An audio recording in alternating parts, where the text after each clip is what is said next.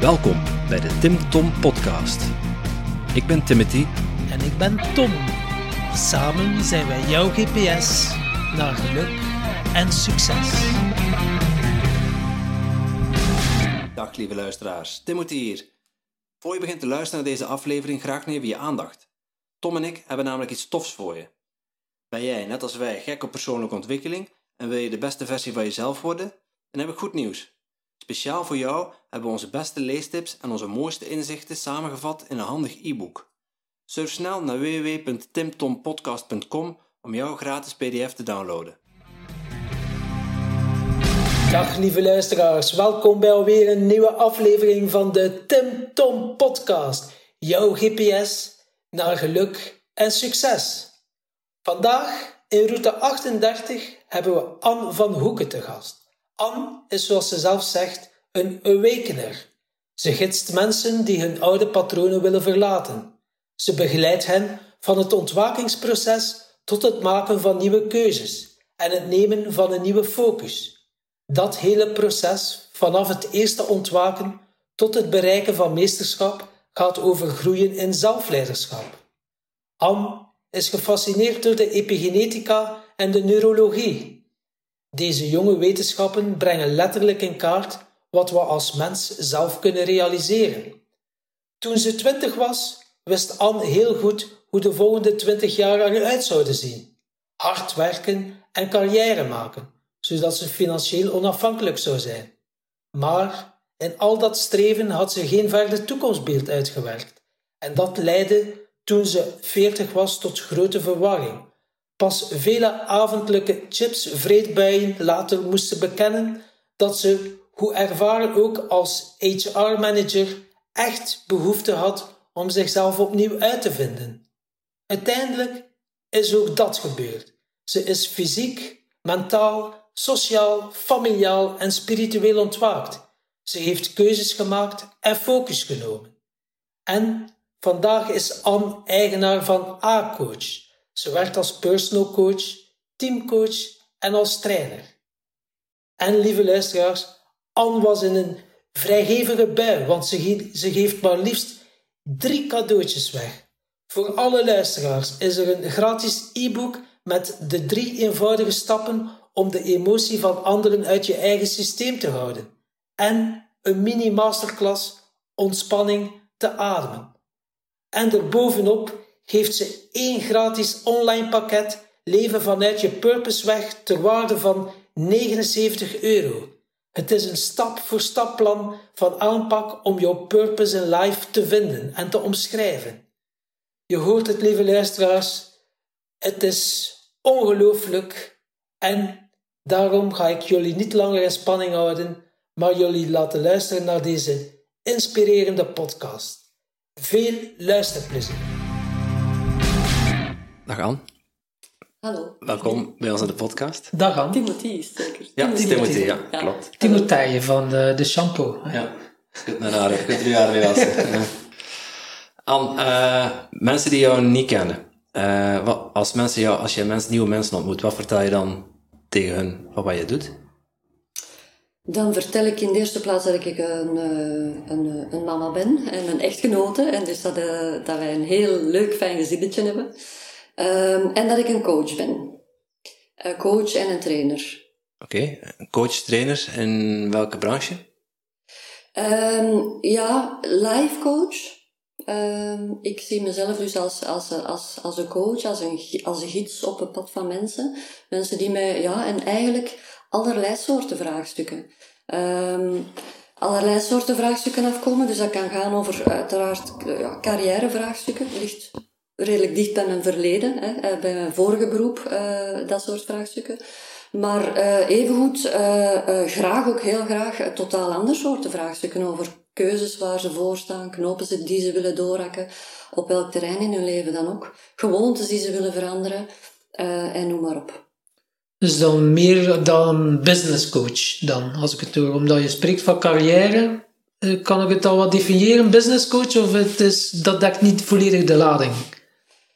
Ja, voor mij is business coaching. Um, ik versta er eigenlijk onder dat dat uh, het soort coach is die eigenlijk de, het, ja, de business van mensen vooruit helpt. Hè?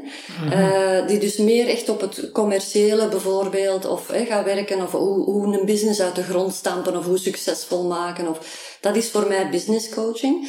Ehm, ik begrijp wel dat, dat jij misschien eerder daaraan denkt nu in termen van... eh, Wat is de passie van die Ja. persoon? Wat doe je graag en eh, wat wil je Ja. echt doen? Ja, ja, die dingen. absoluut. Hè? Dus al dat soort... Hè, eh, wie ben ik? Wat wil ik eigenlijk? Hè? Ehm, heel vaak komen mensen op, met, met een, ja, op een punt in hun leven dat ze eigenlijk vaststellen, carrièrematig dan gezien, van er is al de helft gepasseerd. Hè? Eh, ik ben mid-carrière, er is al de helft gepasseerd, maar er is ook nog de helft te gaan. En eh, dat is dikwijls dan nog twintig jaar of meer om te gaan. Hè? Ja. En dan dat vraagstuk van wie ben ik? Wat kan ik? Wat wil ik? Welk soort keuzes wil ik maken op dit moment in mijn leven? Hè? Dus, want alles eh, verloopt ook wel in leven. Allee, ons leven verloopt in levensfase natuurlijk. En dat wat dat we willen als we 20 jaar oud zijn of 30 is helemaal niet hetzelfde dan wat dat we misschien willen op ons 40 of op ons 50ste. En hoe was dat bij jou? Wat, wat, wat wou jij op je twintigste en wat wil je nu? Goh, ah, dat is een groot verschil. dat, dat is inderdaad een heel groot verschil. Ehm, op mijn twintigste was ik heel erg overtuigd van hoe dat de volgende twintig jaar van mijn carrière er zouden uitzien. Dus ik vind dat eigenlijk achteraf bekeken nogal kras, nogal sterk. Dat ik heel eigenlijk op mijn, eigenlijk, dat ik mijn twintig jaar al twintig jaar vooruit keek. Dat was echt letterlijk zo. Nu, dat vooruitkijken was wel beperkt in die zin, eh, of eng in die zin, dat ik eh, voor mezelf had uitgemaakt van, ehm, ik wil eh, financieel onafhankelijk zijn. Ik ga eerst vertellen welke waarde dat erachter stak. Hè. Dus ik wilde absoluut financieel onafhankelijk zijn. Ik had dat ergens opgepikt in mijn opvoeding, dat dat belangrijk was. En dat ik dat, daar absoluut naar wilde streven voor mezelf. Hè. En dus ik had uitgemaakt van, ehm, ik ga eh, hard werken en ik ga ervoor zorgen na mijn studies hè, dat, ik, eh, dat ik voor mijn dertigste eh Human Resources Manager ben. Toen heette dat nog personeelsdirecteur hè, of personeelschef zelfs. Hè. Ja, HR-manager. Ja, HR-manager vandaag de dag, hè, maar toen noemde dat nog personeelschef. En dus ik had dat voor mezelf voorgenomen. Echt dat carrièrepad van, ik wil voor mijn dertigste eh personeelschef zijn. En dat was ook. Op mijn 26e was mijn eerste functie. Dus na een enkele ja, een periode in eh HR op een personeelsdienst te hebben gedraaid, kwam dan die uitdaging, dat aanbod, en heb ik dat ook eh, kunnen doen. Hè. En dan had ik gezegd van, ik ga voor mijn dertigste personeelschef zijn en ik ga hard werken. Eh, hard werken tot mijn veertigste. Dus dat was, dat was de visie. ik ga hard werken. Hard werken. Ja. Eh, en dat heb ik ook gedaan natuurlijk. Hè, want wat dat je denkt en wat dat je voorneemt, dat doe je dan vaak. Hè. En dat heb ik ook gedaan. Dus ik heb eigenlijk tot mijn veertigste echt vooral heel hard gewerkt. En inderdaad financieel onafhankelijk geworden. Eh, Ik heb een carrière uitgebouwd dus van eh, HR-management en ik heb dat op verschillende plaatsen eh, kunnen doen.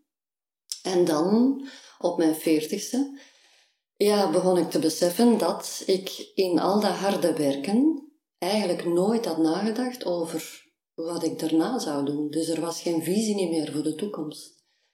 Ehm, en dat is ja, best wel confronterend geweest. Ik heb daar wel zo wat, wat jaren zelfs ja, eh, rond liggen vroeten, zo wat vroeten en draaien. En dat is zoiets, ehm, ja, zoiets aan, ja, naar boven is beginnen kruipen zo. En dat zich dan getoond heeft in stilletjes aan, wat gefrustreerd te geraken en, en ambetant. En, en ja, en zo van die signalen, hè, dat het niet meer dat is eigenlijk. Ehm eh, Voilà, dus dat is echt een zoektocht geweest. Ehm, eh, maar dat toont zich niet onmiddellijk. Hè? Dus je, je, het is niet van op je veertigste dat je ineens zegt, voilà, ik ben er nu veertig en nu. Hè? Dus dat komt dan zo heel geleidelijk aan via signalen zoals avondelijke vreedbuien, ehm, eh, avondelijke chipsvreedbuien, achter mijn computer uiteraard, want ik werkte wel heel Werken, hard. werken, werken, werken. Ja. Werken, werken, werken. Heel, heel, heel veel uren werken, echt. Ehm, en dan gepaard gaande met, eh, na die veertigste, eh vreedbuien, slechter slapen.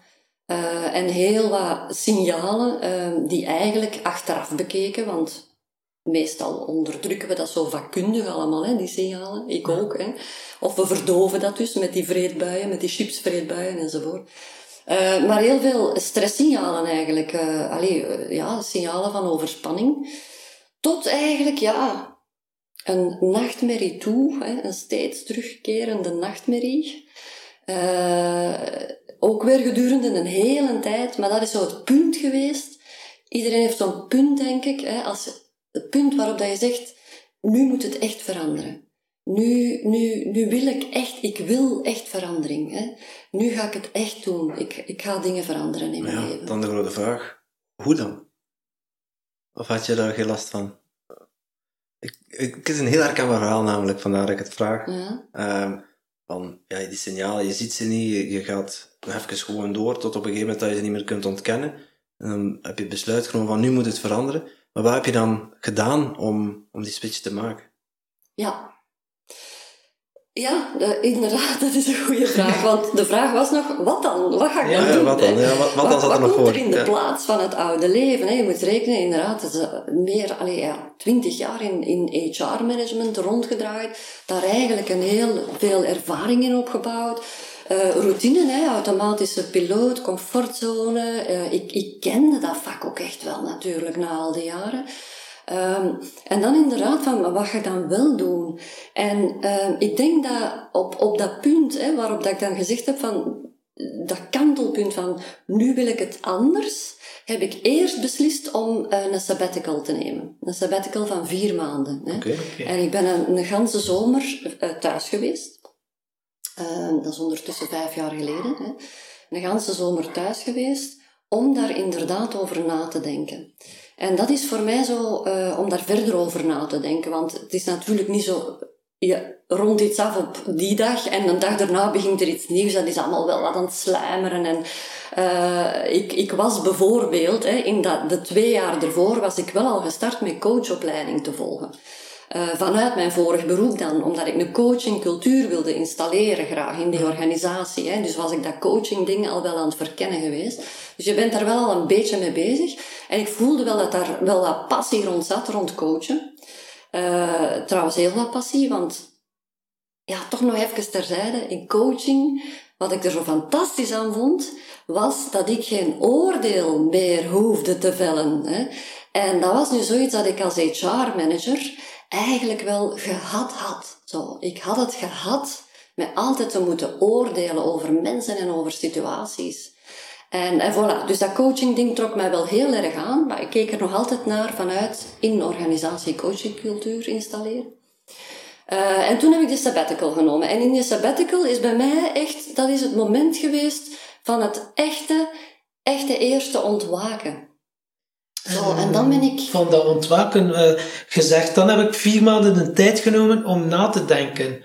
Hoe zorg je ervoor dat je in een denkmodus zit en niet in de piekermodus? Want nadenken of piekeren, ik, eh, ja, als ik het dan reflecteer op mezelf, als ik zeg van, nu ga ik een keer een moment nemen om na te denken, dan, vroeg, dan merk ik op na een tijd, ben ik niet aan het nadenken, ik ben hier gewoon aan het piekeren, elke keer datzelfde aan het denken en, en niet vooruitkomen, elke keer datzelfde cirkelje dat je aan het denken bent. Dat en hoe, hoe kon jij ervoor zorgen dat je nadenken in plaats van piekerde?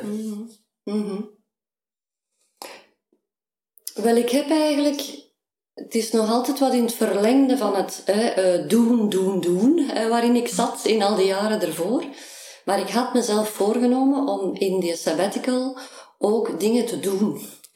En ehm, ik, heb, ik had me voorgenomen om eh, te werken aan eh, fysieke zaken, eh, aan mentale zaken, sociale. Hè, dus ik, ik ben echt in ontwikkeling gegaan. Dus het- wa- daarom dat ik het, het eerste ontwaken noem. Hè, dus echt op fysiek, mentaal, sociaal, ja, familiaal, spiritueel vlak. Hè. Dus ik had ook weer voor die sabbatical, het is een beetje gek als je er nu zo over nadenkt, hè, maar ik had ook best wel wat doelstellingen voor tijdens de sabbatical. Hè. Ja, even even tijd vrij af te nemen, had je wel een heel druk agenda. Ja, ik had een hele... Ja, ja, ja, ja. Dus ik, ik, ik zat daar nog in, hè, in dat doen, doen, doen. Hè.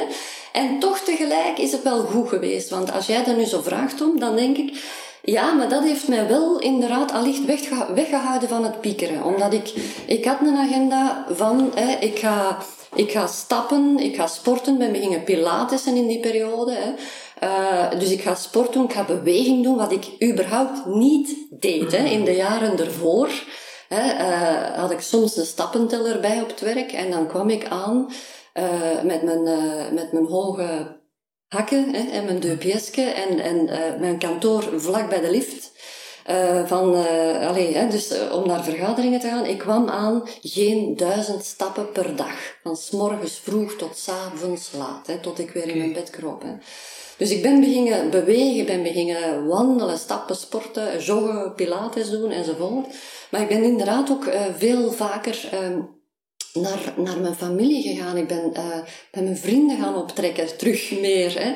Eh, bij mijn gezin eh, dingen gedaan, activiteiten met het gezin gedaan, met, onze dochter, met mijn man. Hè. En ik ben ook mindfulness cursus gaan volgen. Ook eerste keer hè, kennis gemaakt met mindfulness. En ik heb gelezen, gelezen, gelezen. Tot en met, dat is dan die mentale ontwikkeling. Dus ja, ik heb gewoon zoveel gedaan, denk ik. Dat ik uiteindelijk toch weinig heb kunnen piekeren. Dus ja, je had wel de- degelijk een plan. Het was niet zo, ik ga even nadenken, maar als ik hoor, ik had het eigenlijk wel allemaal goed op een rijtje van, ik ga op die verschillende vlakken eh, mij ontwikkelen. Een echt me-time. Ja. Ja. Dus, En- Ja. als, ik, als ik het zo hoor, is het eigenlijk jezelf op, een keer op de eerste plaats zetten. Mag ik Ja. het zo omschrijven? Ja, absoluut. Ja. Ik denk niet dat ik het zo zou geformuleerd hebben toen. Ehm, maar ja, daar komt het eigenlijk wel op neer. Hè? Ja. En, en ja, van echt zo heel veel dingen die eh, rond mezelf, maar ook rond mijn gezin. Hè? Of, of rond mijn vrienden, rond mijn familie, rond mijn moeder enzovoort draaiden. En hoe reageerde uw omgeving erop? Want ja, dat was dan de Anne, de eh, personeelsdirecteur of directrice. En dan in ene keer zo die switch. Ik merk bij mezelf, als ik die switch maakte, ja, mijn omgeving, niet iedereen vond dat even leuk. Eh, die, wat, die zeiden van, blijf maar wie dat je was. Want eh, voor eh, veel mensen kan dat zo wel een beetje een, ja, een apart gevoel geven. Ja, ja, ja, ja, ja, absoluut. Ik denk dat ik dat zou kunnen opsplitsen in, in, in, in twee delen zo. Dus ehm, privé, mijn man en, en, en, en een paar goede vrienden waren mijn grootste supporters daarin. Die, eh, die hebben dat echt aangemoedigd. Van ja, doe dat absoluut doen. Nu, die hadden mij ook al wel een jaar of twee horen zagen regelmatig. Hè, eh, over, ah, ik zou, want dat wilde, ik wilde die sabbatical al dolgraag, al twee jaar. Hè. En ik bleef er maar over zagen van, ah, ik zou zo dolgraag echt eens vier, een hele zomer thuis zijn. Hè. Maar daar zat een oordeel op, een heel groot oordeel van mezelf op een sabbatical. Vanuit mijn beroep hè, vond ik dat eigenlijk niet kunnen. Privé is dat dus enorm goed onthaald geweest. En allee, dankzij mijn man, dankzij mijn vrienden, heb ik dat dan uiteindelijk ook gedaan. Hè. Dankzij een paar heel fijne collega's ook, uh, uiteindelijk. Um, en tegelijk, professioneel op het werk, heb ik daar helemaal geen vrienden mee gemaakt. Uh, wel in tegendeel. Hè. Dus daar werd het uh, uiteraard niet goed onthaald. Hè. En ik begrijp het ook voor een stuk. Ik had, ik had zelf jarenlang met die mindset geleefd dat als je, dat je als in een directeurspositie, in een organisatie, dat je dat niet kon maken om zo'n voorbeeld te geven. Hè. Laat staan als HR-directeur. Waaruit anderen zouden afleiden dat het toch wel kon om hè, afwezig te zijn op het enzovoort. Hè. Dus daar zat een zeer groot oordeel op, heel lang van mezelf. Maar toen ik het effectief deed, zat er uiteraard in mijn omgeving ook wel dat oordeel nog op. Hè. En dat is mij absoluut, ja, allee, niet in dank afgenomen. Of, uh, nu goed, ik heb die sabbatical ook genomen vanuit de overweging om effectief, hè, dus het was ook het punt waarop ik opnieuw van job wilde veranderen. En in tegenstelling tot de vorige keren was het bij mij nu van, ga, het was die mid-carrière, hè, het was het mid-carrière vraagstuk, hè, van ga ik blijven doen wat ik altijd deed en hè, ga ik nog meer van hetzelfde, ga ik weer ergens anders, HR-manager enzovoort, of doe ik het iets anders. Hè? Dus dat was ook de reden van de sabbatical uiteindelijk, om daarover na te denken. Om dat besluit te nemen, van blijf ja. ik uh, in de HR hangen of ga ik een andere kant op? Ja. klopt. En je, je hebt dan, je hebt aan jezelf gewerkt. Eh, je noemt het zelf ontwaakt. Hè? Je, bent, je bent ontwaakt. Ehm, waar werd je dan uit wakker? Het onbewustzijn.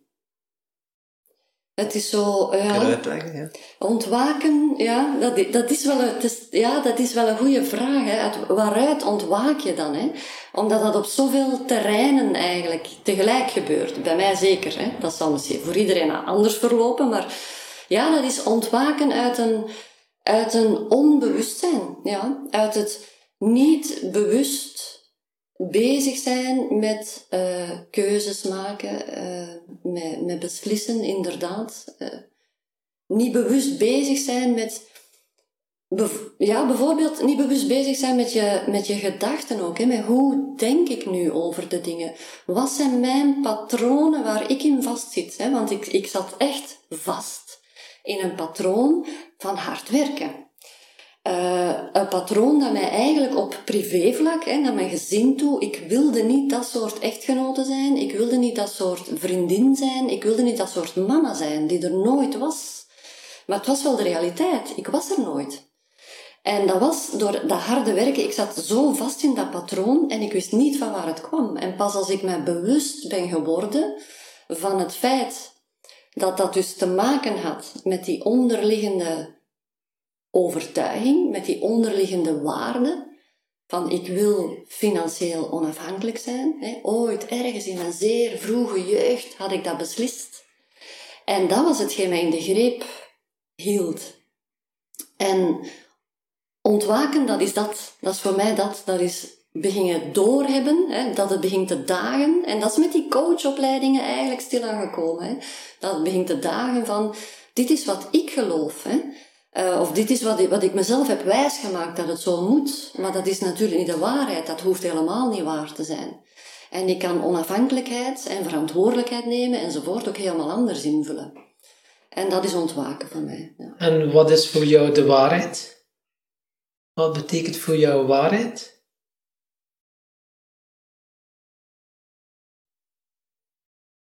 Goh.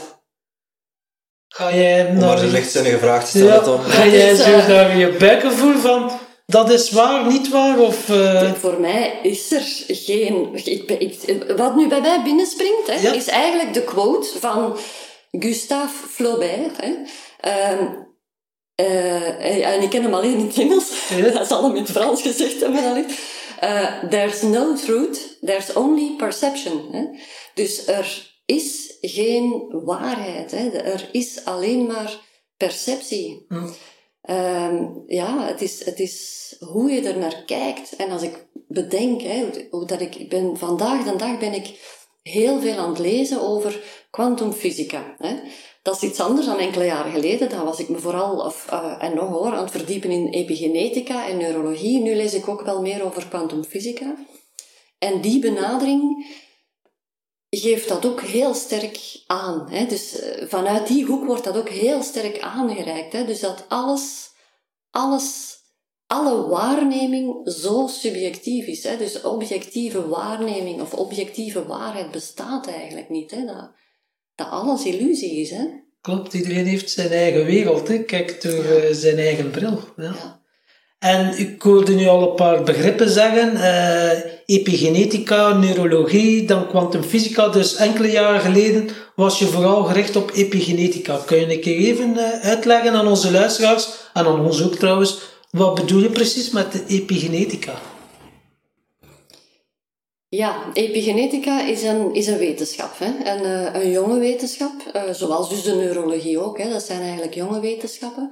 En daarmee bedoel ik eh, misschien een generatie oud, hè? twintigtal jaar oud of zo, twintig misschien, allee, kleine dertig, I don't know. Heel jonge, jonge wetenschappen. Hè?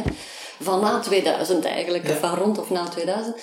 Ehm, en eigenlijk de epigenetica ehm, ja, bouwt misschien niet echt verder op de genetica, want het ontkracht eigenlijk een aantal inzichten vanuit de genetica. Dus ik ga even terug naar de genetica. Hè. Ehm, en dat is, eh, de, we, we zijn eigenlijk allemaal, hè, jij, jullie hè, eh, en ik zijn opgevoed in, de, in dat collectief bewustzijn, in de overtuiging dat onze genen eigenlijk alles bepalend zijn. Het genetisch determinisme. Hè. Dat ja, is, het is erfelijk, hè, zoals ze zeggen. Erfelijk, hè. dat is geponeerd in de jaren 50 van de vorige eeuw. Hè. Uh, gelijk, hè, dus met de ontdekking van die dubbele helixstructuur van het DNA. Men heeft daaruit afgeleid, men heeft daaruit geconcludeerd dat onze genen inderdaad alles bepalend zijn. Genen bepalen uh, dus de, de, de, de duur van ons leven, maar ook onze levensloop, uh, bepalen eigenlijk de vaardigheden die wij wel of niet kunnen ontwikkelen, uh, bepalen onze persoonlijkheid, uh, de kwaliteit van onze relaties dat we hebben enzovoort. Dat is eigenlijk wat dat wij collectief zijn gaan geloven. En nog, hè, wat zo'n overtuiging die er nog heel sterk in zit. Ja, we horen het regelmatig zeggen, hè, van hoe zijn jij geen kilootje te zwaar? Maar ja, het zit in de familie, kan er niks aan doen. Ja. Kan er niks aan doen. Ja. Dat, hè. Of zelfs ook inderdaad, dus fysiologisch, maar ook zelfs naar persoonlijkheid. Hè. Ik ben zo. Hè. Ja. Uh, ja, maar ik ben zo. Of die is zo. Die gaat er niet meer veranderen. Dat, heb ik, hè, dat hoor ik vaak in bedrijven ook, hè, waar ik ga om te coachen of om te trainen. En dan hoor je vaak dat mensen dat over zichzelf zeggen. Of, ja, ik ben nu 50, mij gaat er niet meer veranderen. Dus, hè. Maar dat is het uh, gemakkelijkste, want dat kost geen energie. Hè. Ja, Als je zegt, ik ben zo, ja, hoef je niks te doen. En dan heb je zoiets van, ah ja, oké, okay, is lekker in mijn comfortzone. Ja. Ja. Vanuit de perceptie waar je dan nu bent, hè, als je dan daar kijkt waar je nu bent en vanuit je eigen perceptie kijkt, dan is het ook niet echt veranderen. Hè? Je kunt jezelf aanpassen en, en daardoor anders gaan reageren. Maar echt veranderen gaat het niet doen. Hè? Ik kan niet, kan niet, niet opeens een, eh, een haan worden. Hè? voor een achtergrond. dat, dat, dat, zou ik veranderen noemen. Maar ja, ik, ik heb zelf ook heel lang met die belemmerende gedachten geleefd van, ja maar ik ben zo en uh, uh, ja, ik kan dat toch niet veranderen hè, bepaald gedrag, ja, totdat je erachter komt, dan ja, als ik altijd alles op die manier doe, dan ga ik inderdaad niet veranderen. Als ik nu eens van een andere manier bekijk, of ik ga op een andere manier reageren op een bepaalde situatie, dan kun je jezelf daarop aanpassen en dan ga je uiteindelijk wel je gedrag veranderen. Ja. Is dat, is, is dat dan wat je bedoelt met, met epigenetica? Van, uh, kijk niet alleen, hè, je was bezig over genetica, mm. dus kijk niet alleen naar de erfelijke delen, want er zijn wel degelijk dingen die je doorerft. Hè. Denk aan haarkleur, uh, ja, de kleur van je ogen. Mm bepaalde ziektes worden ook gelinkt aan, uh, aan, aan erfelijkheid. Maar gedrag, zeg jij van nee, dat is niet erfelijk. Epigenetica, hè, dat heb je dus eigenlijk zelf aan de hand. Hoe, uh, hoe is dat op jouw pad gekomen en, en wat, wat kun je ons daarover uitleggen? De epigenetica, ah, wel, dus eigenlijk inderdaad, hè, dus, uh, de epigenetica ontkracht die overtuiging dat we slachtoffer zijn. Hè, want daar, genetisch determinisme betekent eigenlijk dat wij onszelf als slachtoffer beschouwen. Hè, dat je zegt, ik kan daar niks aan doen, ik ben zo, enzovoort. Hè. En dat je eigenlijk weinig zelf kunt veranderen. Wat dat er zo krachtig is aan de epigenetica, is dat die dat inderdaad, hè, dus uh, dat is een, een wetenschap hè, die eigenlijk de trajecten in kaart brengt, hè, uh, waarlangs dat we onszelf, maar ook fysiek, helemaal kunnen veranderen. Hè. Dus de epigenetica zegt hè, van genen zetten, dus we hebben allemaal ons genetisch materiaal, maar genen zetten zichzelf niet in gang. Er is iets epi, er is iets buiten de genen, er is iets boven de genen, er is iets in de omgeving van de genen die de genetische expressie in gang zet. En de epigenetica brengt die trajecten eigenlijk in kaart. Waarover hebben zij het? Hè? Dus wat zijn die factoren die onze genetische expressie in gang zetten? Onze voeding, uh, luchtkwaliteit bijvoorbeeld, hè? Uh, beweging, fysieke beweging, maar ook hè, uh, sociaal vangnet, nog een. Maar een allerbelangrijkste van al is onze gedachten. Hè.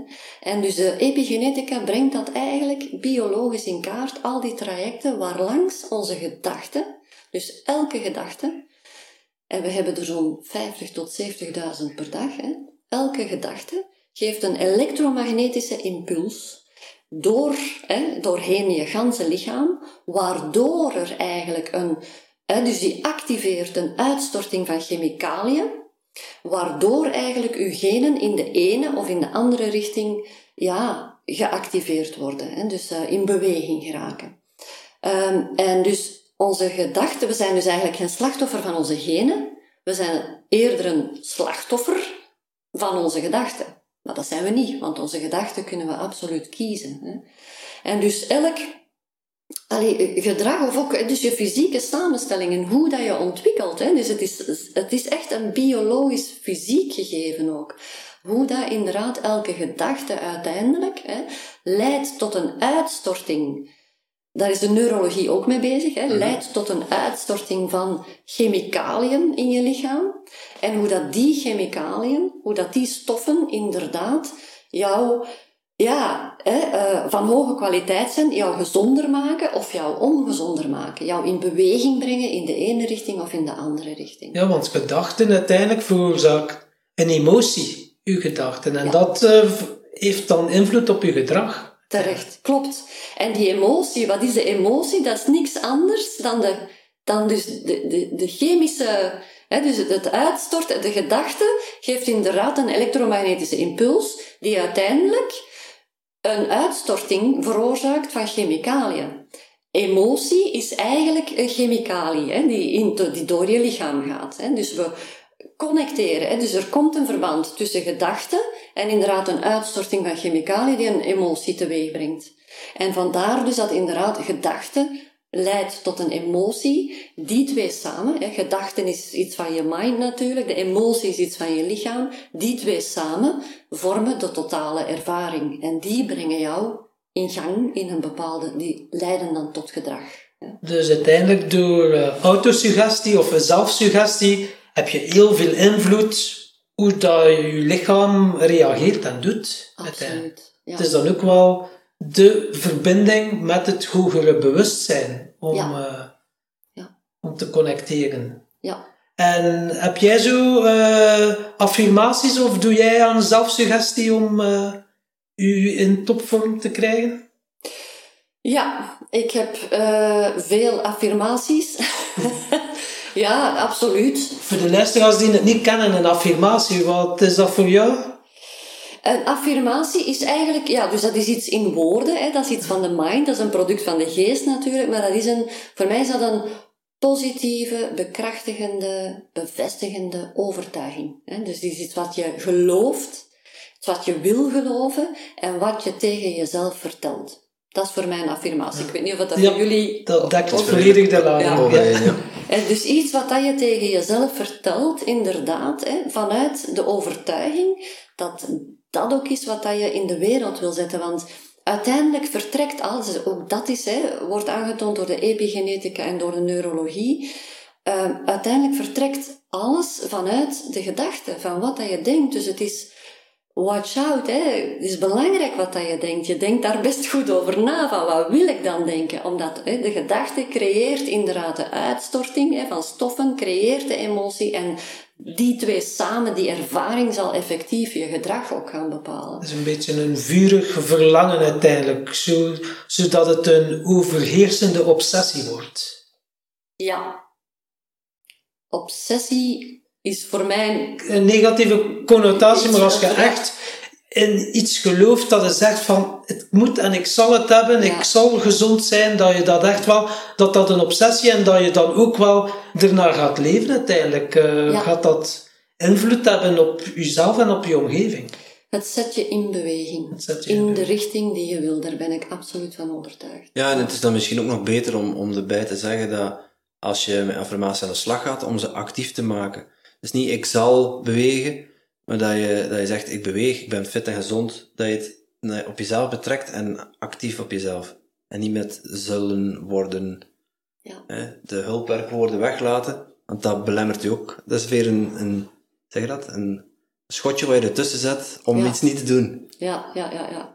Ja, ik, uh, ik, uh, ik heb niet de intentie om dat hier te herhalen, want daarvoor ben ik er nog niet genoeg in verdiept, hè, maar de kwantumfysica legt dat dus heel prachtig uit. Hè, waarom dat het zo belangrijk is dat we die affirmaties inderdaad in het, in het hier en nu, hè, dus dat we eigenlijk, want het gaat over wat dat we willen, hè, wat dat we willen bereiken, wat dat we willen doen, maar dat we dus in die toekomst stappen, hè, alsof ze zich nu realiseert. Hè? Alsof het er nu is, alsof we het nu al hebben. Hè? Dat je het al hebt. Ja, Dus zo'n beetje, eh, ja, toen mij spontaan denk ik, weet niet of dat je dat boek ook kent, Think and Grow Rich van Napoleon Hill. ja, Dat wordt heel mooi uitgelegd, de universele principes eh, van autosuggestie. Van als je gedachten zijn vermengd met oprechte emotie, dan wordt het passie uiteindelijk. En, eh, ja, en zie het al alsof dat je het al in je bezit hebt. Voel het al, hoor het al, zie het al. En waardoor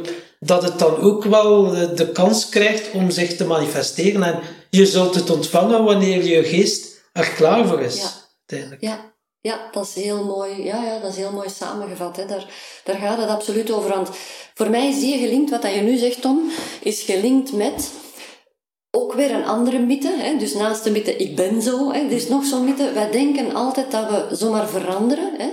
Dat we zomaar iets kunnen veranderen. Eh, of dat anderen dat kunnen. Hè. Ik kan dat niet, maar zie die kan dat. Van, het is een kwestie van gewoon doen. Hè. We denken gewoon doen. Je moet gewoon je gedrag veranderen. Hè. Ehm, terwijl dat dat dus eh, niet, niet zo is. Hè. Dus het, het, eh, het is veel eh, complexer dan dat. Onze patronen, hè, dus onze oude gewoontes en onze oude patronen die we willen doorbreken hè, als we iets willen veranderen. Patroon, een patroon is eigenlijk een cyclus van een totaalervaring. En een tot, allee, dus is een cyclus van denken, voelen en doen. Hè. Het is niet alleen maar doen. Het is inderdaad manier, de ja. gedachte die de emotie creëert en die samen inderdaad je gedrag in gang zetten. En net omdat patronen cycli zijn, cycli van denken, voelen en doen, hè, hebben we dat inderdaad, als we dat willen doorbreken, hebben we dat naar de toekomst toe ons ook zo voor te stellen en zo ook te maken, niet alleen ons gedrag aan te passen, want dat geven we zeer snel op, hè, eh, maar ook niet alleen de gedachten aan te passen, want daar komt er niks van. Hè. Dus je hebt eigenlijk die verbinding te maken tussen gedachten, die inderdaad een connotatie tot stand brengt. Hè.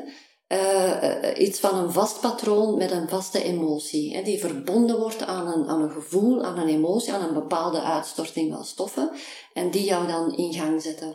Ja, want zonder doen ga je er ook niet komen natuurlijk. Ja, Maar wat je zegt is, eh, het is een kwestie van gewoon doen. Dat is onjuist. Je moet daar die andere twee elementen nog bij nemen. Dus je gedachten en je emoties. En je zegt net van, ik, ik, ehm, eh, ik gebruik affirmaties om mijn gedachten eh, te veranderen. Of om positieve gedachten en intenties in te planten. Ik vermeng die met gevoel. Wat heeft dat jou dan tot nu toe gebracht al? Die hebben mij in beweging gezet. Absoluut. Hè. Want ik, ehm, ik denk eigenlijk, ik geloof dus dat hè, vijf jaar geleden het eerste ontwaken voor mezelf hè, ehm, echt begonnen is eh, in de sabbatical door, door die dingen te doen. Hè, door te zorgen, fysiek, sociaal, mentaal enzovoort, voor al die zaken een stuk te zorgen, is het ontwaken echt gestart. Hè. Ehm, maar ik kan wel zeggen, en tegelijk, hè, dus dat is al eh, een heel pad geweest, en het is een levenspad sowieso, hè, eh, dat blijft een levenspad.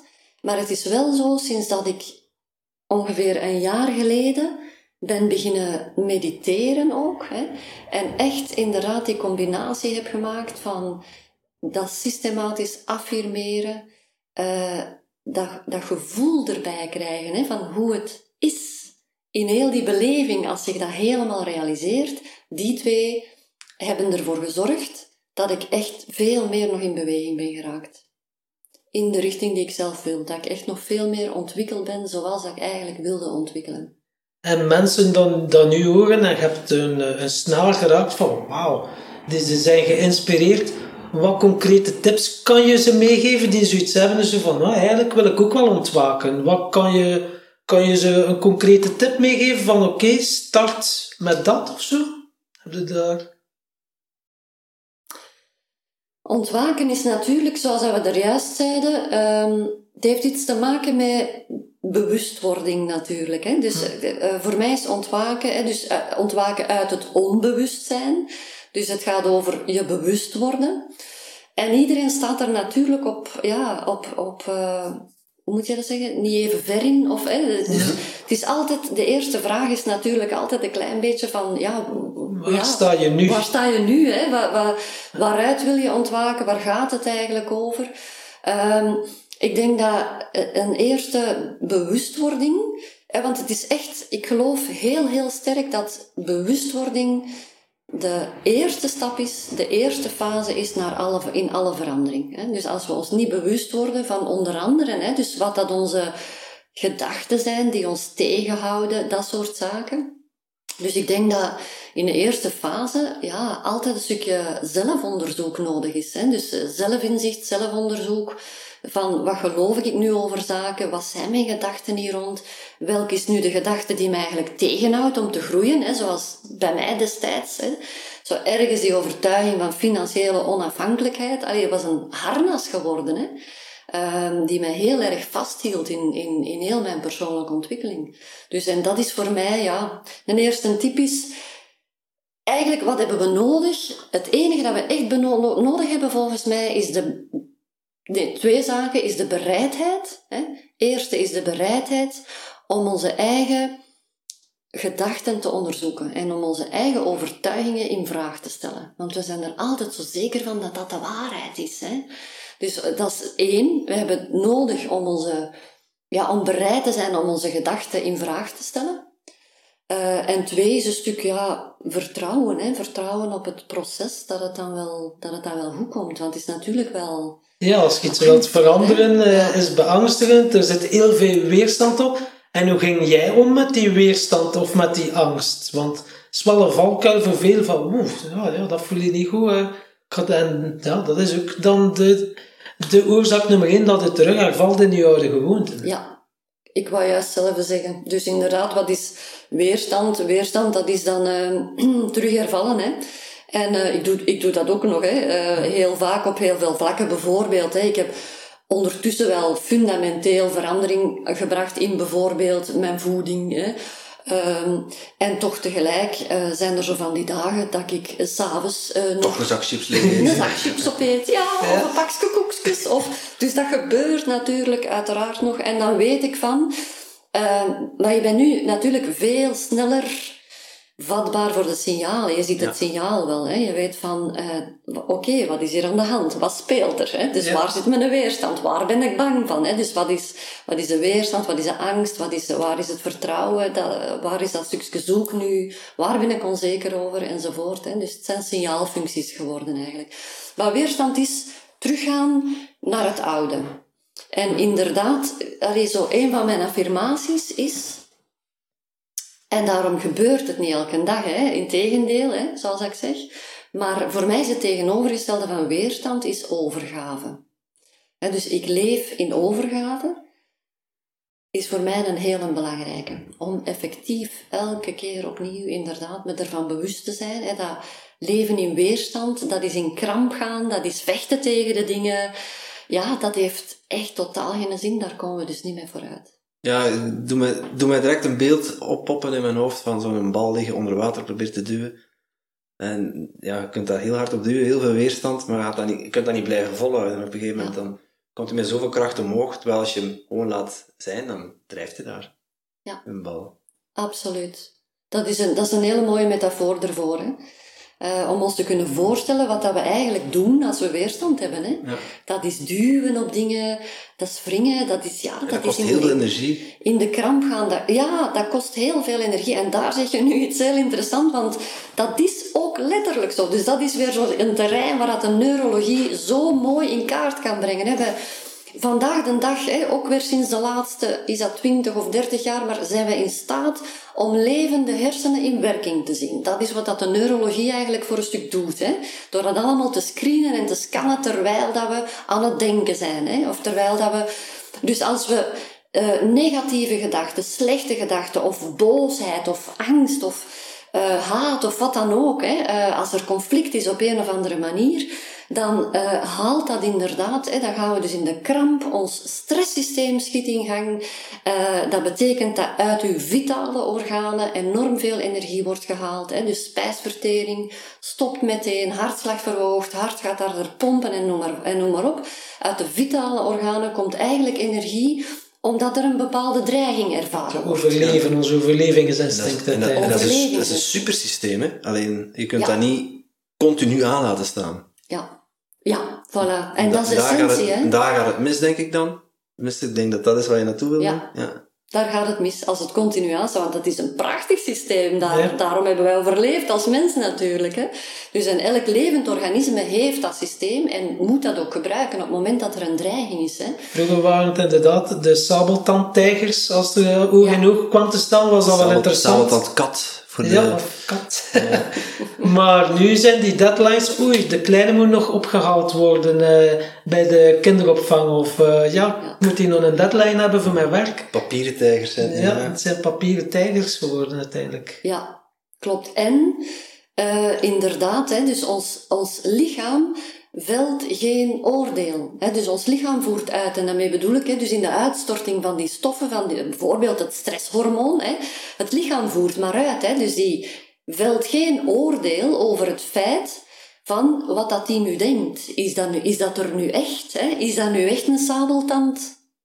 Kat. Kat. Ja, ja, Eh, is, dat, is, is, dat er nu, is dat gevaar er nu echt of niet? Ons lichaam oordeelt niet. Ons lichaam zegt inderdaad, ah, hè, impuls, elektromagnetische impuls, gedachte, oei, oei, oei, inderdaad, een deadline hier, of ik moet nog eh, aan school staan, of ah, ik moet nog dat, enzovoort. Ah, die tante chauffeur hier naast mij, enzovoort. En ons lichaam voert uit, ah, oh, dreiging? Ja, hup, stresshormoon wordt uitgestort in uw lichaam. En inderdaad, het grote gevaar is, eh, vandaag de dag hè, doen, eh, ja, zeggen onderzoeken, dat de meeste mensen, of dat heel veel mensen, gedurende 70% van de tijd in stress zijn. Hè. Ja, dat betekent dan eigenlijk dat we, dat we zeer ongezond bezig zijn. Hè. Want dan, het, Je pleegt eigenlijk roofbouw op jezelf. ja, En eh, ik, ik, ik zei het er net omdat ik eh, in hetzelfde schuitje heb gezeten. Eh, bij mij was dat mijn rugklachten tot gevolg. En goed, ik ben al een paar jaar in behandeling nu bij een, bij een osteopaat, die mij heel goed verder helpt, maar die legt ook eh, tegen mij uit van hoe dat je systeem in elkaar zit. En eh, precies wat je nu zegt, is, is wat, er, eh, wat hij onlangs nog over had, over je sympathicus en je parasympathicus, is over je stressactivatie of ontstressen. Ja. En ja, als je continu in die, in die geactiveerde, in die, in die sympathicus zit, dus in die, geactiveerde stressmodus, ja, dan ben je je lichaam aan het uitputten. Want bepaalde organen, bepaalde delen in je lichaam draaien op als ze worden aangestuurd worden door je parasympathicus. En het is een binair systeem, het is aan of uit. Of het een staat aan of het ander staat aan. En ja, als altijd het ene aanstaat, ja, dan gaat dan een keer een platte batterij op een gegeven moment. mhm. En eh, ik kan me voorstellen dat jij, en toen je nog HR-manager was, eh, heel veel in die actieve modus zat. Je hebt dan die sabbatical gehad, dus dan doe je eigenlijk totaal tegenovergestelde. Eh, hoe heb je daar nu een, een, een balans gevonden? Eh, wat doe je nu anders in je, ja, in je routine, in je werk, om ja, zowel die stressmomenten, die zul je ongetwijfeld ook nog hebben, maar om voldoende ontspanning te hebben in je werk en in privé. Mm. Ehm, ja, ik, ik doe nu werk dat... Ik, ik was vroeger best gelukkig met mijn werk. Ik deed dat best wel graag. Dat was oké, ik zal het zo uitdrukken. Hè? Dat, was, dat was helemaal oké. Wat dat ik nu doe, ehm, dat voedt mij echt op tal van manieren. Dus wat ik professioneel doe, dat... Dat trekt mij zo. Ik, ik, ik, eh, ik raak er echt opgeladen van. Hè. Dus eh, als ik eh, gecoacht heb, eh, mijn man die zegt dat ook altijd. Hij zegt, allee, wat is er nu met u? Dus die zegt van, ik zou uitgeput zijn hè, na, na coaching of na zo. Nee, ik raak er echt Ik van ook. opgeladen. Die Ja. batterijen, zo, als iemand gecoacht Ja. hebt, voel het in elke cel van je lichaam. En zo, ja, dat is zo een soort overdracht. Ja, je kunt dat moeilijk uitleggen, hè. ja. Dat is zo, kan ook ja, maar ik zie het in je ogen en zo gewoon. Ja, ik, heb die, ik voel direct die connectie van... Ja, ik begrijp precies wat je wilt zeggen. Ja, Ja, ja, begrijp dat. Ah, wel, ja, dus het is, ja, het voedt echt. Het is zo, ja, het, ik, het is eh, leerrijk. ehm, ja, het, het voedt mij echt. Ehm, ik krijg ook, ik, eh, zoals ik dat straks ook al zei, van, ik merk hè, dus dat, dat ehm, het niet oordelen hè, over mensen en over situaties, dat dat voor mij inderdaad veel, veel, veel beter is. Ik voel me er zoveel beter bij. Hè. Dus uh, alleen al door wat ik doe, merk ik nu, hè, dat, is, uh, dat is voor mij veel voedender, veel beter, geeft mij veel meer energie. Uh, ik word daar eigenlijk nog veel gelukkiger van dan dat ik vroeger al was. Hè. Um, en natuurlijk, ja, in, in mijn beroep nu, hè, dus ik, ik, ben, uh, ik heb een zelfstandige zaak, ik heb een eigen zaak. Uh, ik, kies dus, ik kies dus ook veel meer hoe dat ik het, uh, hoe dat ik het inkleed. Hè. Het is mm geen 9 to 5 niet meer, of hè, van, maar, allee, eigenlijk is dat nooit geweest, maar alleen. dus ik, ik kies nu hoe dat ik het aanpak en je kiest. Hè, en dat zijn bewuste keuzes. Hè, dus hoeveel wil ik erin steken? Ik moet eerlijk zeggen, als ik net startte met mijn eigen zaak, dat ik mij wel heb laten verleiden om ook daar weer heel hard, heel veel uren enzovoort hè, uh, te werken. Totdat ik dan eigenlijk merkte van, uh, ja, maar dan ben ik er op een gegeven moment ook niet meer voldoende bij, bij de ander, hè, met mijn aandacht bij de ander. Um, en dus heb ik dat inderdaad wat gematigd. En nu vind ik dat ik hoe langer hoe meer echt een, hele goede balans aan het vinden ben. Ja, even terzijde. Door de corona zijn er natuurlijk, zeker wat bedrijfsopdrachten betreft, uh, is dat ook wel wat noodgedwongen, hè, wat, wat meer stilgevallen nu. Maar hoe dan ook hoor, had ik daarvoor toch ook al veel meer bewust de keuze gemaakt van hoe kleed ik dat nu in. Hè? Dus uh, van, van niet voortdurend aan het coachen of aan het trainen te zijn. Hè? Dus als ik het hoor, dan je doet niet enkel individuele begeleiding, maar je coacht ook bedrijven dan? Of? Mensen in bedrijven. Mensen in bedrijven. Ja, ja, ja. Voor de groepsdynamiek, of uh, is het dan dat je dan ook een groep uh, van een bedrijf, een groep mensen hebt die je dan coacht? Of is het ook individueel dat je ze begeleidt? Ja, beiden. Hè. Dus in, uh, in coaching kan je, of uh, in bedrijven is er soms ja, de vraag om teamcoaching te doen. Hè. En teamcoaching gaat dan echt een stuk hè, uh, met een specifiek, dan ga je met een specifiek team aan de slag, die eigenlijk een stuk willen, ja, de dynamieken, hè, de dynamieken in hun team onderzoeken. Hè. Dus dynamieken die maken waarom ze niet groeien bijvoorbeeld, hè, of, of wat dan een tegenhoudt in bepaalde dingen uh, enzovoort. Dus ja, je hebt teamcoaching enerzijds en je hebt anderzijds heb je uh, individuele trajecten hè, voor mensen of voor een bepaalde laag in de organisatie, hè, voor uh, een bepaalde laag van leidinggevende, waarbij dat er, uh, of individueel, hè, dus een aanvraag is om inderdaad naar specifieke topics toe hè, een coaching traject te voorzien. Wat de, vanuit uw coachingervaring zo de meest gestelde uh, vragen? Of tenminste, wat, wat kom je heel vaak tegen? Want je had het net al over zo uh, bepaalde mythes, zoals uh, ja, maar ik ben zo. heb je zo een voorbeeld vanuit je, vanuit je, vanuit je coachingspraktijk waar iets wat veel terugkomt? Um, de vragen zijn eigenlijk heel divers. En onderliggend, wat er onderliggend aan de hand is, ehm, dat is vaak heel gelijklopend. En uiteindelijk hebben heel veel vraagstukken te maken met het zelf. Met iets dat met zelf te maken heeft. Hè. Dus, ehm, dus een vraag kan ogenschijnlijk hè, gaan over uh, ja, een bepaald, een bepaald conflict waar men mee zit, of een keuze die men wil maken, in, in eender welk terrein hoor, een bepaalde gewoonte waar men niet van afgeraakt, uh, een carrière stap wel of niet nemen, of wat dan ook. Hè. Uh, terwijl dat onderliggend zit het heel vaak uh, ja, rond zelfbeeld, zelfvertrouwen, uh, Zelfinzicht, zelfliefde. Voor de NLP'ers onder ons is het dan eigenlijk het gedragsniveau en het identiteitsniveau. Ja. Dat je dan echt wel met die overtuiging speelt van, als je het begint door te vragen en je komt op identiteitsniveau, kom je meestal van terecht van, de mensen houden niet van mij of ik ben niet goed genoeg uiteindelijk. Ja. En dat is wel iets dat veel uh, terugkomt. Hè? Ja, het stuk aanvaard worden of afwijzing of, of allee, hè, dus um, dan kom je eigenlijk inderdaad op die, op die diepere terreinen terecht. Hè? En, en uiteindelijk, hè, dus um, daarom geloof ik ook dat, wat dat we er straks een stuk over hadden, van je kan natuurlijk altijd aan je gedrag werken. Hè? Uh, mensen denken vaak dat ze iets moeten doen of iets willen doen aan hun gedrag. Maar eigenlijk moet je kijken naar de onderliggende zaken. Hè. Wat, wat geloof ik daar nu over? Wat vind ik belangrijk? Maar ook inderdaad, wie ben ik? Hè? En hoe Ja. kijk ik naar mezelf? Hè? Wat geloof ik vooral over mezelf? Komen we op die logische niveaus van, eh, hoe noemt hij, Bateson of Van Dilt zeker? Ja, ja, ja. Dat we dan... eh, Ja, en, en ik denk, en daarom eigenlijk dat, ehm, je vroeg er straks inderdaad, zo, wat voor soort coach ben je? Hè?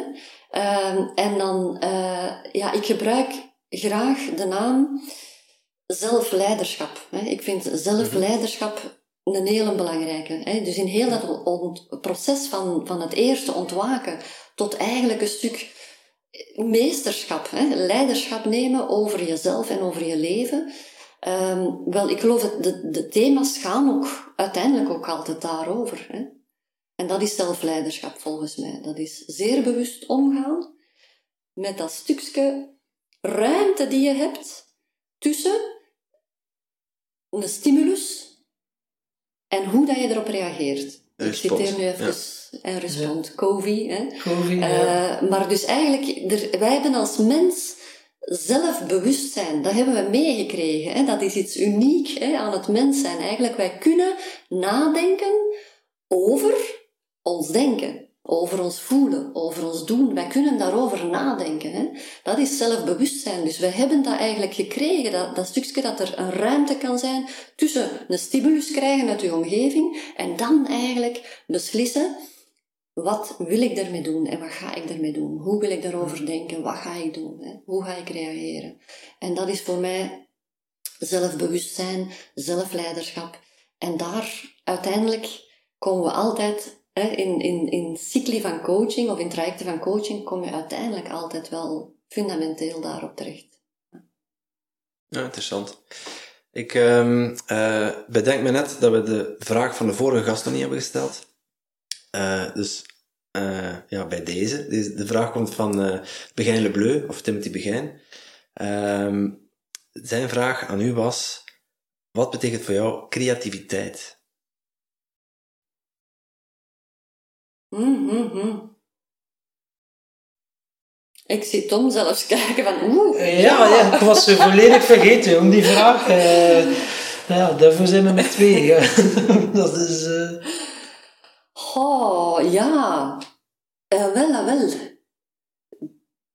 Daar kan ik zomaar niet uit de losse pols nu een definitie eh, op plakken. Zo. Ik, ik vind wel dat creativiteit, hè, dus creëren zit daarin, hè, creëren. En ehm, voor mij staat het, mijn eerste reflex nu is van, het staat wel tegenover ehm, eh, overleving. Hè. Het staat tegenover kramp, het staat tegenover overleving. Het is wat dat jij er straks zei met dat binair systeem. Hè. Dus er is altijd Sympathicus, parasympathicus. Ja. er is altijd maar één van de twee. Hè. Dus als het stresshormoon werkt hè, voor overleving, wordt op, eh, op dezelfde plek gemaakt dan het herstelhormoon. Daarom dat ze dat, hè, dat is de reden waarom dat ze niet samen eigenlijk kunnen gestimuleerd of, of aan de slag kunnen zijn. Hè. Dus de twee staan tegenover elkaar. Hè. Creatie eh, leunt voor mij heel dicht aan bij, bij groei, bij groei en bloei, bij... eh, dus in ontspanning zijn eigenlijk. Hè? En, en, en van daaruit inderdaad ja, het creëren. Maar creëren, ja, dat kan gaan van eh, prachtige dingen in de wereld zetten. Hè? Eh, kunst, muziek, of wat dan ook. Hè? Dingen in de wereld zetten op dat vlak. Naar het creëren in de zin van manifesteren. Hè? Dus van je eigen toekomst een stuk vorm te geven. En van... van ja, dan zitten we terug op dat ding van, hè, van, eh, eh, van zaken manifesteren Ja. eigenlijk, op die kwantumfysica, hè, van hoe dat je dat eigenlijk... uiteindelijk is het ja, creëren, visualiseren, om het dan uiteindelijk te manifesteren. Ja, manifesteren, creëren. We zijn creators, hè? dus ik, ik geloof ook echt. Het is ook zo een quote die ik heel erg mooi vind van eh, George Bernard Shaw, hè, van Shaw. Life isn't about finding yourself. Life is about creating yourself. Hè? Dus Mooi. Ja. we zijn creators. Hè? We, en, en het gaat inderdaad over ja, dingen maken, dingen manifesteren, dingen creëren. Ja. Ja, en dan, uh, eerder haal je het al aan, hè, van uh, die tegenstellingen. Als ik dan nu zit te denken, denk ik, creëren zit, zit echt in die parasympathicus.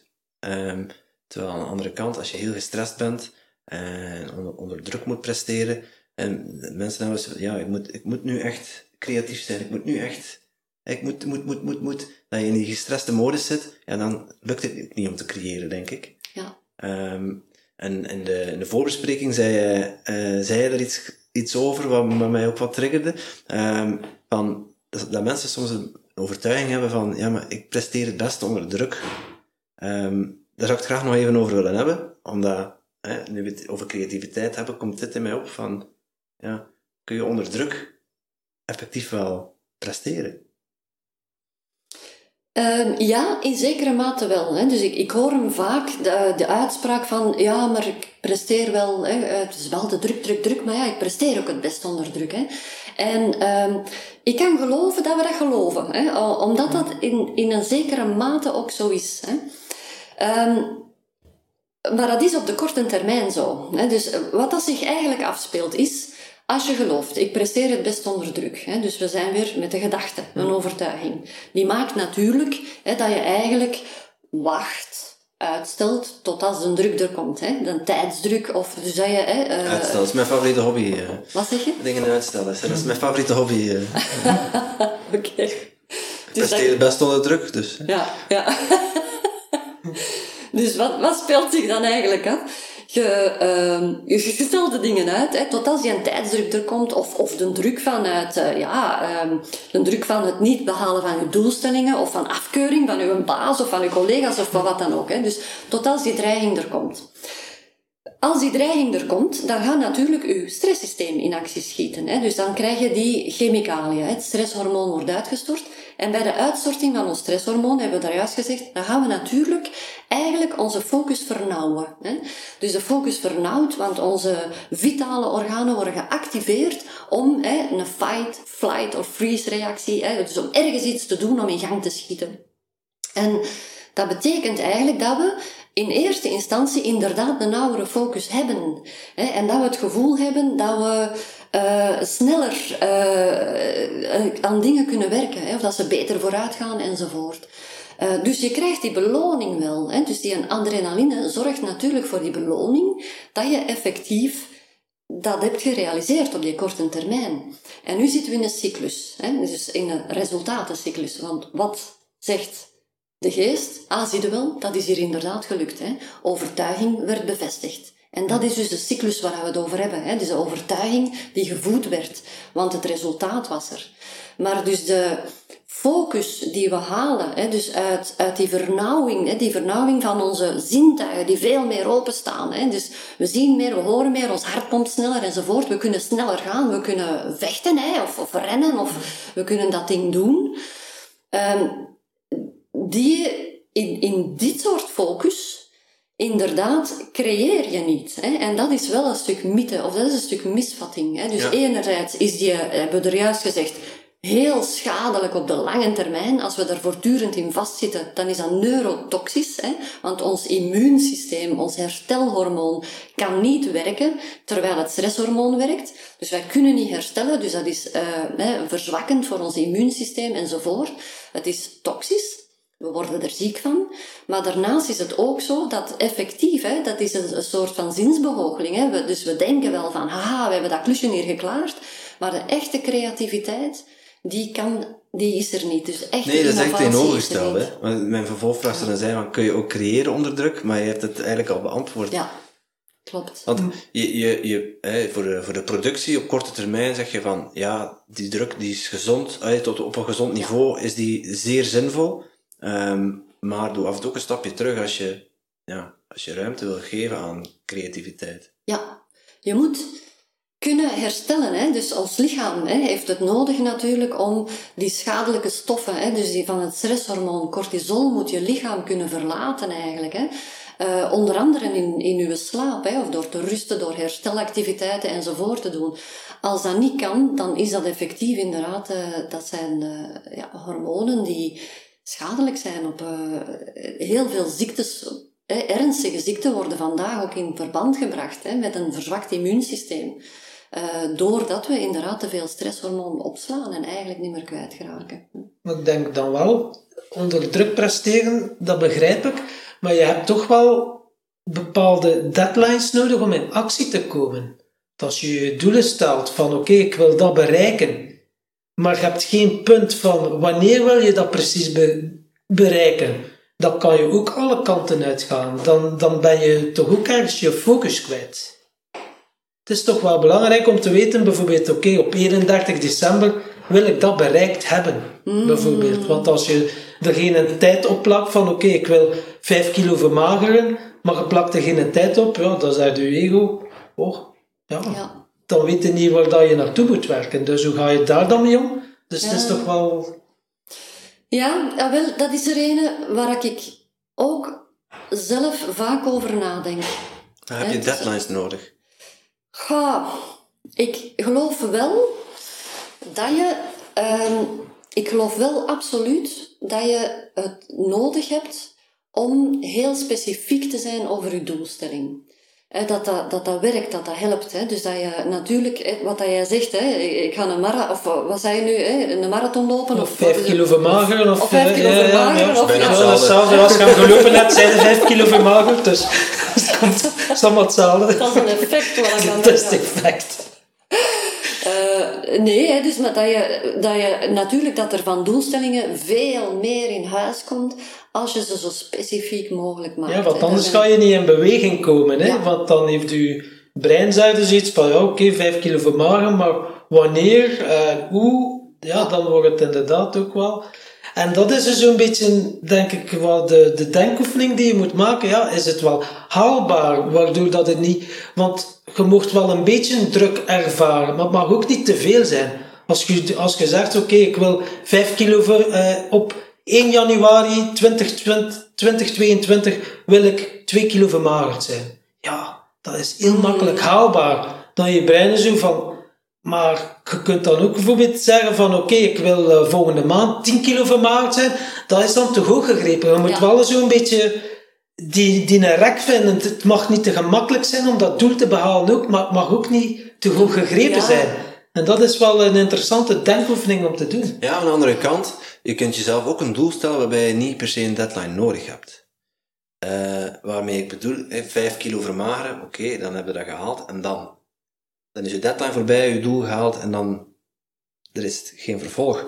Terwijl aan de andere kant van het spectrum kun je ook zeggen, um, ik wil fit en vitaal oud worden. Mm. Dus je plakt er geen einddatum op. Mm. Um, maar wel een, ja, een, een resultaat voor jezelf. Fit en vitaal oud Fit en vitaal maar oud worden wat, betekent, betekent dat dan precies? Ja, maar dat betekent, dat betekent dus ook dat je nu op de korte termijn moet kiezen voor dingen die, ja, die minder plezant zijn, zoals gezond eten, wat uiteindelijk ook wel een gewoonte wordt en ook wel plezant wordt. Meer bewegen, terwijl dat je nu nooit beweegt, in beweging komen, want ja, fit en vitaal oud worden, iedereen heeft daar een eigen invulling aan natuurlijk. Mhm. Maar we zijn het er misschien wel over eens dat dat niet, als je een, me een meter 60 bent, dat dat niet is dat je 120 kilo weegt en uh, de enige beweging die je hebt is van de zetel naar de koelkast en terug. Mm Zwaar. Ja. En, en moet je daar dan een deadline op stellen om, om dat doel te halen? halen dat is dan... ja. ja. Ja, en, en wat dat we eigenlijk dan aan het doen zijn, is een soort onderscheid creëren tussen een specifiek doel, hè, met een deadline. Maar, maar ook zo, uh, allee, tussen dat en het dieperliggende doel, hè, fitheid, vitaliteit.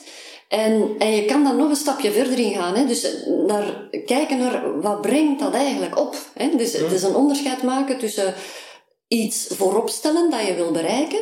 Dat is heel concreet en dat is best inderdaad, hè, dat, dat werkt wel als dat concreet is. Maar wat brengt het wat brengt het jou echt op? Wat is het onder... Vitaliteit, hè? fitheid. En wat brengt het eigenlijk op om fit en vitaal te zijn? Hè? Dus hoe meer dat we in contact komen. En dat doen we bijvoorbeeld een stuk meer ook, of dat kunnen we onder andere doen, een stukje vanuit die meditatie. Hè? Dus in contact komen met die why, die diepere why van... Wat brengt dat eigenlijk op? Hè? Voor jezelf, wie ben je dan? Of wat kun je wat kun jij dan in de wereld zetten doordat jij eigenlijk die betere versie van jezelf bent? Hè? Wat- Ja, een stukje zingeving of eh, Zingeving. purpose, zoals ze zeggen. Ja, absoluut. Eh, en dus ja, dus allee, deadlines, doelen, ja, doel, maar doelen zijn een vertaling, hè, zijn een concretere vertaling van die hogerliggende of dieperliggende, hoe je het wil bekijken, hè, van, van, van de eh, dieperliggende eh, why, denk ik eigenlijk. Hè. En, en het is toch nog iets anders om heel even terug te komen op ons stukje gesprek van ervoor. En het is iets anders dan ehm, een deadline in de zin van wachten met actie tot als je aan die deadline zit. Hè. Dus het, je geraakt inderdaad allicht beter in beweging, hè, of, of sneller in beweging, duurzamer in beweging, als je in contact bent met je why en als je doel ook concreet is.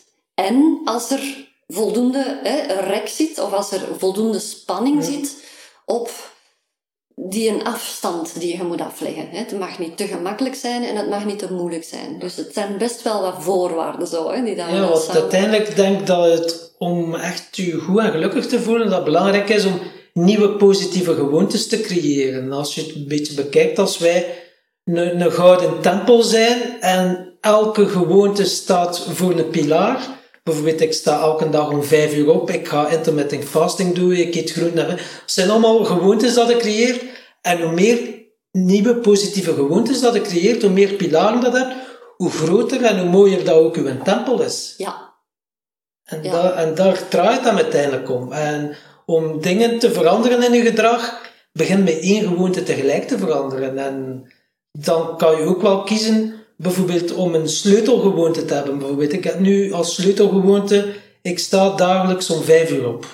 Zowel weekend als week, vijf uur. Maar door dat te doen, creëer ik wel twee uur meer tijd per dag voor mezelf, waar dat ik dan bijvoorbeeld een half uurtje per dag een inspirerend boek kan lezen, eh, een workout kan doen. En dat is dan het logische gevolg ervan, waardoor dan er heel veel andere dingen ook in beweging komen. ja. Maar, nu, maar nu zei je er ook, hè, van, eh, ik sta elke dag om vijf uur op.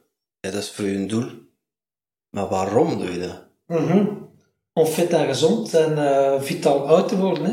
Ja, en om, ja, om meer tijd te creëren, om Ja, tuurlijk. terug te kunnen investeren. ervaren, ja. Dus met andere woorden, als je duidelijk, helder, concreet, zoals jij het net zei, aan kunt omschrijven wat, dat je, wat dat je graag wat je wilt, waar je naartoe wilt, dan is het ook makkelijker om die doelen of tussendoelen te gaan bereiken eigenlijk.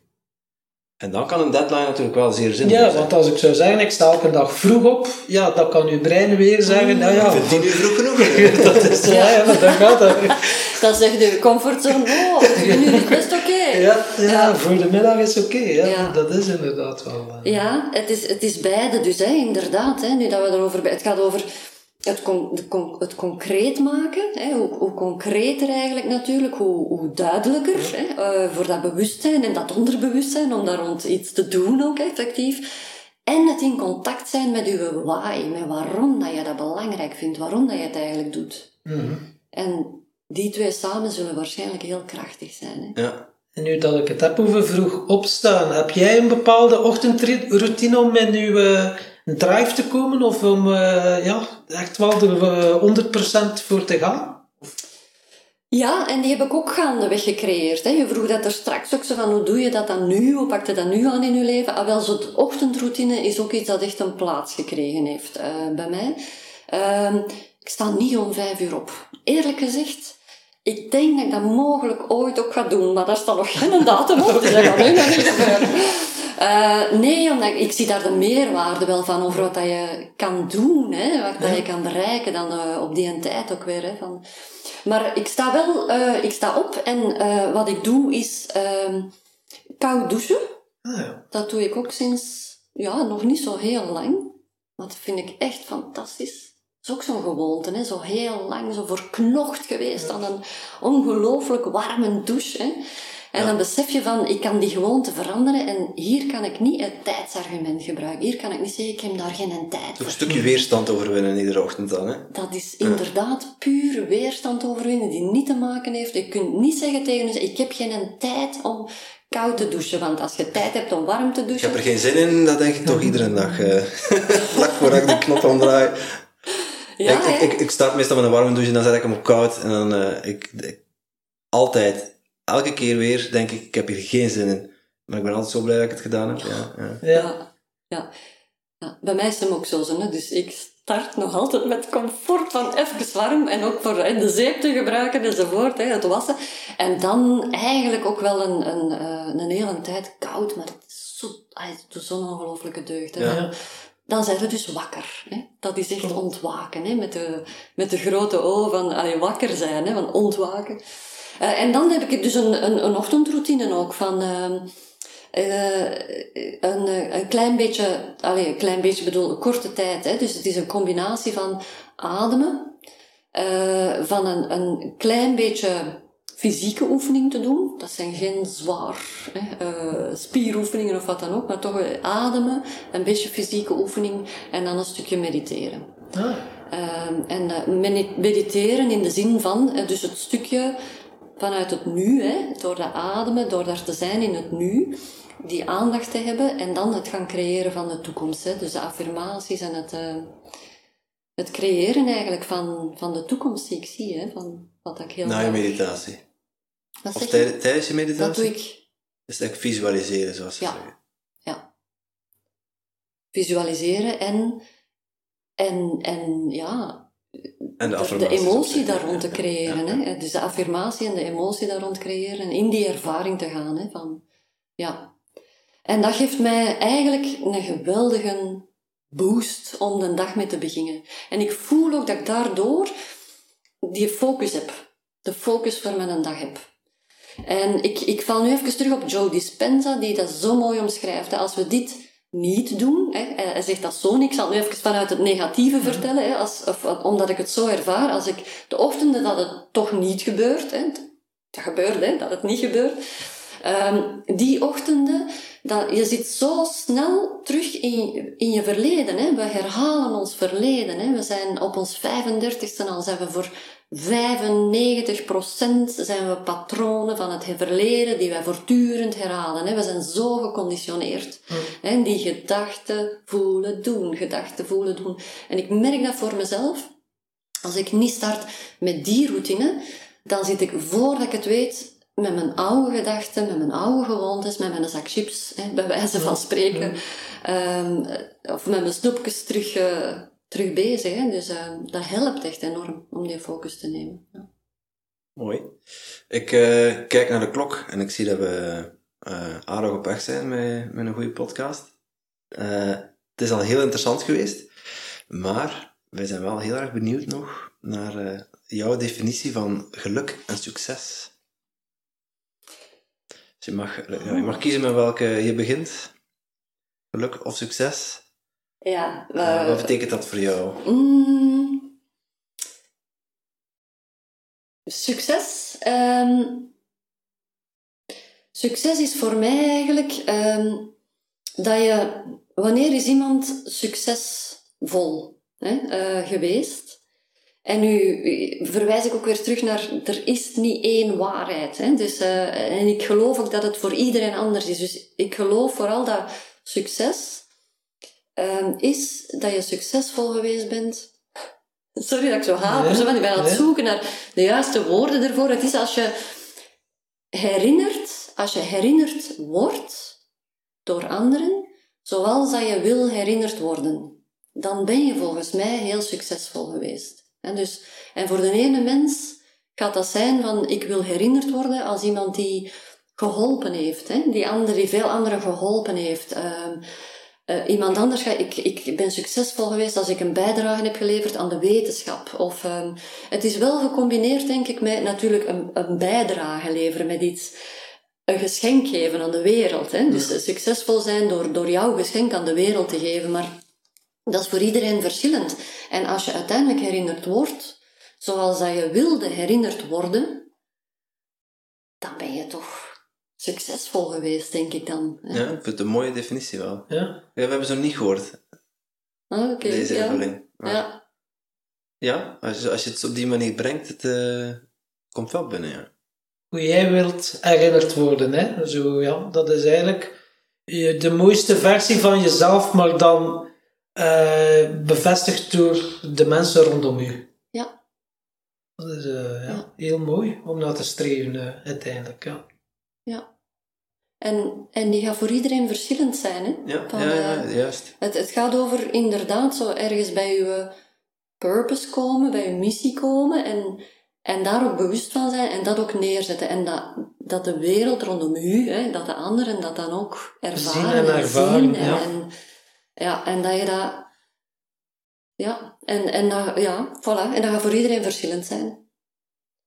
Dat is voor mij succes hebben, succesvol zijn. Ehm, ik heb daar met, klanten ook al over gesproken. Hè. Dus, eh, voor, voor sommigen heeft dat te maken ook met ja, vanuit een bepaalde positie, hè, een, bepaalde impact, eh, hiërarchisch in een organisatie enzovoort, kan ook. Hè, zolang dat je maar bewust bent van wat dat, dat doel is en dat je ook het geschenk daarin kan definiëren of daarin kunt zien naar, naar de omgeving toe. Hè.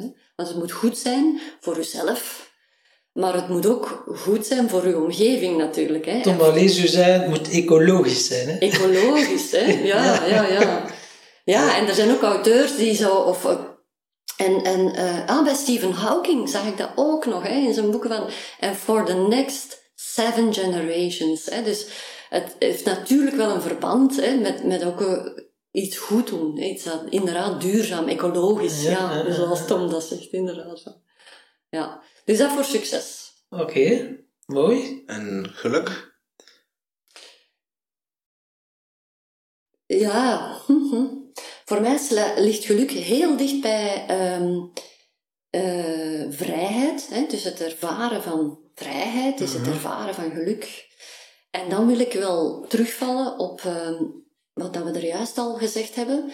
Ehm, Stephen Covey heeft mij ooit, eh, jaren geleden wel, maar heeft mij toen wel enorm getriggerd hè, met, dat- met dat idee over er is een ruimte tussen een stimulus, hè, iets Ja, in je omgeving, iets ja. dat gebeurt, een ander die iets zegt of iets, wat dan ook, wat dat je hoort, wat dat je ziet. Van, hè, dus door die stimulus en de respons die je erop geeft. Hè.